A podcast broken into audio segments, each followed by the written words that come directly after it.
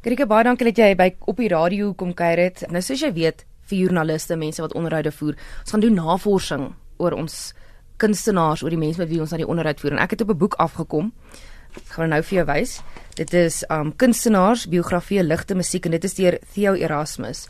En daar's jou biografie. Wel hy het vier blad, hy het vier lyntjies. Hallo Christel, lekker om by jou te kuier. Hierdie is baie snaaks, is nog so getik op een van daai ja, klein tikmasjienkies. Ja. Dit is baie snaaks hierdie. Ek dink hy het dit hy het dit gedoen so jaar na ek begin sing het. Jy weet, dit is nou amper 50 jaar. Ja. So hierdie hierdie ek sien die boek se bladsy is al so geel. Dis wonderlik. Ek wonder of jy gevra het so wat het intussen gebeur nadat al daai gebeur het. Ek dink ons gaan heeldag hier sit. Ek dink ons onderhoud is het so weet is so lank dat ek nou vir jou van 50 jaar kan vertel nie, maar ek het eintlik 'n baie opwindende lewe gehad. Jy weet, my sang was vir my regtig waar net altyd 'n stokperdjie en mense kan dit nie glo nie want hulle sê julle praat vir my jou sangloopbaan en so. Ek het dit nooit as 'n loopbaan gesien nie. Jy weet, ek het dit altyd gesien as iets vreeslik lekkers wat net vir my lekker is. Ek maak se nou en dan 'n plaat, jy weet, en mm. dan na 'n CD en later DVD's bygekom. Dit was my so lekker want ek en ek dink ek was ek was in 'n baie 'n goeie posisie uh, dat ek 'n man gehad het wat die broodwinner was. Jy weet, en mense wil dit nie altyd nou hoor nie. Ek dink vandag se vrouens kan nie eers dink dat daar so 'n tyd was dat dat vrouens nie ook gewerk het nie, weet. Maar in my tyd toe ek jonk getroud was, vrouens het nie eintlik gewerk nie. Jy weet jy wat maar by die huis gebly en kinders grootgemaak. So werk was nie eintlik eh, jy weet vir my iets wat ek uh, aan gedink het nie. En uh so ek het kinders grootgemaak en so vir die lekker tussenin gesing. So ek was nie gedruk om te moet sing en te moet die pad vat en te moet gaan vertonings doen om die pot aan die kook te hou nie. En ek is so dankbaar daaroor want dit het gemaak dat ek my werk regtig kon geniet en ek wil nie eers sê my werk nie, maar my singery want dit was nie 'n werk nie, dit was regtig net lekker. Jy het sekerlik natuurlik nie net kinders grootgemaak. Jy sê dit was nie werk nie, maar jy was besig. Hoeveel albums, plate, musiek, CD's wat verkoop is of wat vrygestel is, het jy nou eintlik in totaal opgeneem? Ek, ek praat nou van die kinderalbums ook. O nee, die artikel, weet jy ek ek het so gehoop jy vra nie die vraag nie. Ek het nou nog aan dieselfde ding gedink mense vra dit vir my en ek weet nie. Jy weet want sekere goed word so half as 'n samestelling gedoen met iemand en daar was so baie, daar was daar was Joet goed die die kindergoed alleen was afloope 15 jaar 11 DVD's en net soveel uh, CD's. Mm. So ek ek weet nie, dit is seker by die 40 dalk, jy weet. Kyk, ek sing nou al amper 50 mm. jaar en dit was seker maar so amper 'n album 'n jaar dalk partykeer dit was bietjie jy weet uit nie, nie gedoen nie of wat ook al nie. So dit was ja, ek ek het nooit gedink om te tel nie. dis dis nie altyd altyd nodig nie die musiek praat vir homself. Nou as jy terugkyk op jou loopbaan van waar dit begin het, amper 50 jaar terug, dis nou 49 jaar terug.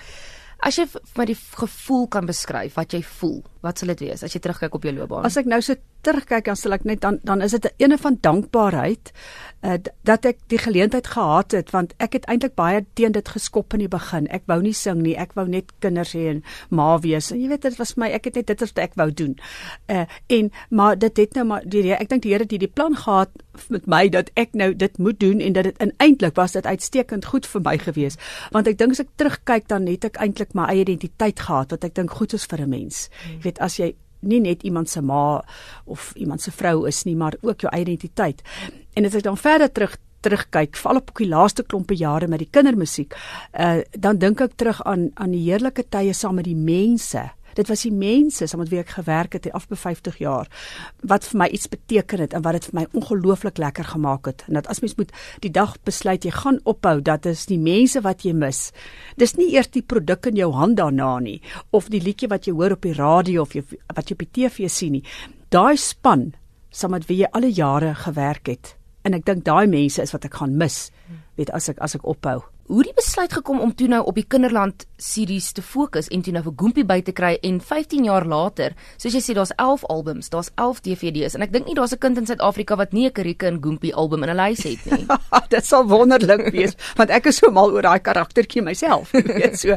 Nee, dit is wonderlik. Nee, dit het eintlik maar ook weer net so gekom. Jy weet dis ek, ek het nooit beplanning gehad vir my loopbaan nie. Iemand het eendag maar gesê maar wou jy nie ietsie nuuts probeer nie? Ek sê daar was nie tyd nie. Dit was vir my 'n stokperdjie wat ek so tussenin gedoen het. 5% van my lewe, jy weet. En en net nadat ek begin het met Kraainest destyds in die 70e jare, het my platemaatskappy gesê hulle dink ons moet 'n kinderplaat maak.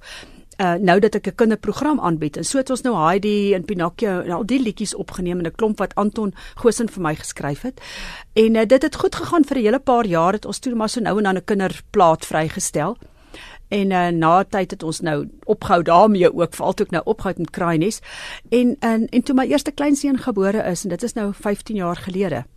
En hy's nou 15. Mm. Toe het ek gesê, "Jene, ek wil daarom net iets aan hom nalaat en dit kan nie op 'n plaat wees nie want daai tyd plaat is 15 jaar terug het, het net net die CD's begin." En toe het ons besluit ons gaan uh van my bekendste liedjies wat ek baie van hou, gaan ons alles op 'n CD sit en ons het 24 liedjies gekies wat ons daarop gaan sit en dit is dan vir my klein seun. Jy weet, ek gaan dan het ek nou so half 'n weet 'n samestelling van my my lekkerste liedjies. En ek het gedink wel dis dit. En toe as gevolg van onderhoud wat ek toe met Nikki van 'n berg gehad het, weet oor die oor hierdie CD, het die CD skielik net verkoop wat ek nie eers verwag het of aan gedink het nie. En daar gaan hy. En toe sê my platemaatskappy, toe ons nou 'n tweede serie maak, ons nou begin dink aan 'n aan 'n DVD en ek het gesê wat is 'n DVD nie, kan jy dit glo? Sê vir my nee, dit is maar soos musiekvideo's, mm. maar net dit lyk soos 'n CD met musiekvideo's. Sê ek o nee, maar goed. En toe het ons begin. En na die derde nee, na die tweede uh, eh, DVD het ons toe besluit ons gaan 'n karaktertjie skep want ek wou 'n so iemand hê of ietsie hê as 'n verbindingsteks tussen elke liedjie. Ek het gedog dit kan maar 'n animasie karaktertjie wees of of iets, net hmm. iets wat sê en nou gaan ons kyk na die fluister wat ook al na die volgende liedjie. En en dit is maar hoe Goompie te ontstaan het. Linda Kosten het 'n groot aandeel gehad want sy is die regisseur van al my uh kinderalbums uh, wat ons die afgelope 15 jaar gemaak het en DVD's en uh sy het iemand 'n skets laat maak En toe ons eers die skets sien, ons het bietjie koppe bymekaar gesit en toe besef ons okay, dit is wat ons wil hê. Weet, 'n handpop laat maak en uh ons het vir Brian Webber gekry die stem van van Goompie en daar's hy. En ons het gewonder gaan dit werk en toe werk dit. Jy het in 'n vroeë onderhoud gesê wat ek wat ek gelees het is dat jy nie mal is oor optree nie of verhoog werk nie. Is dit nog steeds so? Ja, nee, ek het uh, deur my hele amper 50 jaar het ek net ek weet nie twee twee of so toere gedoen. Destyds saam met groep 2 nog in die beginjare. Later het ek het ek saam met Steve een keer getoer toe ons die Tuka toere gedoen het. Dit was die laaste wat ek as mens dit nou 'n toer kan noem ons het 'n klompie optredes gedoen. En verder het ek toe na my kinders so af vir die huis uit is het ek toe uh, uh so vir 'n paar jaar het ek so 20 vertonings per jaar het ek maar ek het net gaan uh, die dames tees gaan doen op saterdagoggende En dit was my baie lekker so saam met die vrouens. Ek het dit vreeslik geniet, maar ek het op 'n stadium wou ek nie meer vas wees nie. Jy weet ek ek is nie ek hou nou van om te hoor ek moet nou volgende jaar in Oktober ergens gaan sing nie. Jy weet my lewe is nie so nie. My lewe draai nie om my musiek nie. En uh, dit draai om my man en my kinders. So dit dit weet ek kan nie van tevore al sê wanneer gaan ek waar besig wees nie. En ek onthou dat Rina Hugo het, het het al verskeie kere in onderhoude gesê dat sy is seker die bangste kunstenaar in die land want dit is vir haar moeilik op die verhoog te kom. Maar ek dink sy het van my vergeet want ek dink ek is die bangste ene. Ek hou net nie daarvan nie en ek dink een rede is hoekom ek daarvan hou vir mense op te tree nie is dat ek voel ek is nie in beheer nie. Jy weet ek is half 'n bietjie 'n beheervraat. Ek moet nou as as daar iets met die klank fout gaan of ek vergeet my woorde of wat ook al of ek voel nie lekker of my keel is seer of ek hoes ek ek wil nie daai spanning op my hê nie. Miskien as ek alleen was en dit was al wat ek gedoen het dit was my lewe dan sou dit dalk anders gewees het. Maar ek het nog nooit baie daarvan gehou om ander mense te vermaak nie.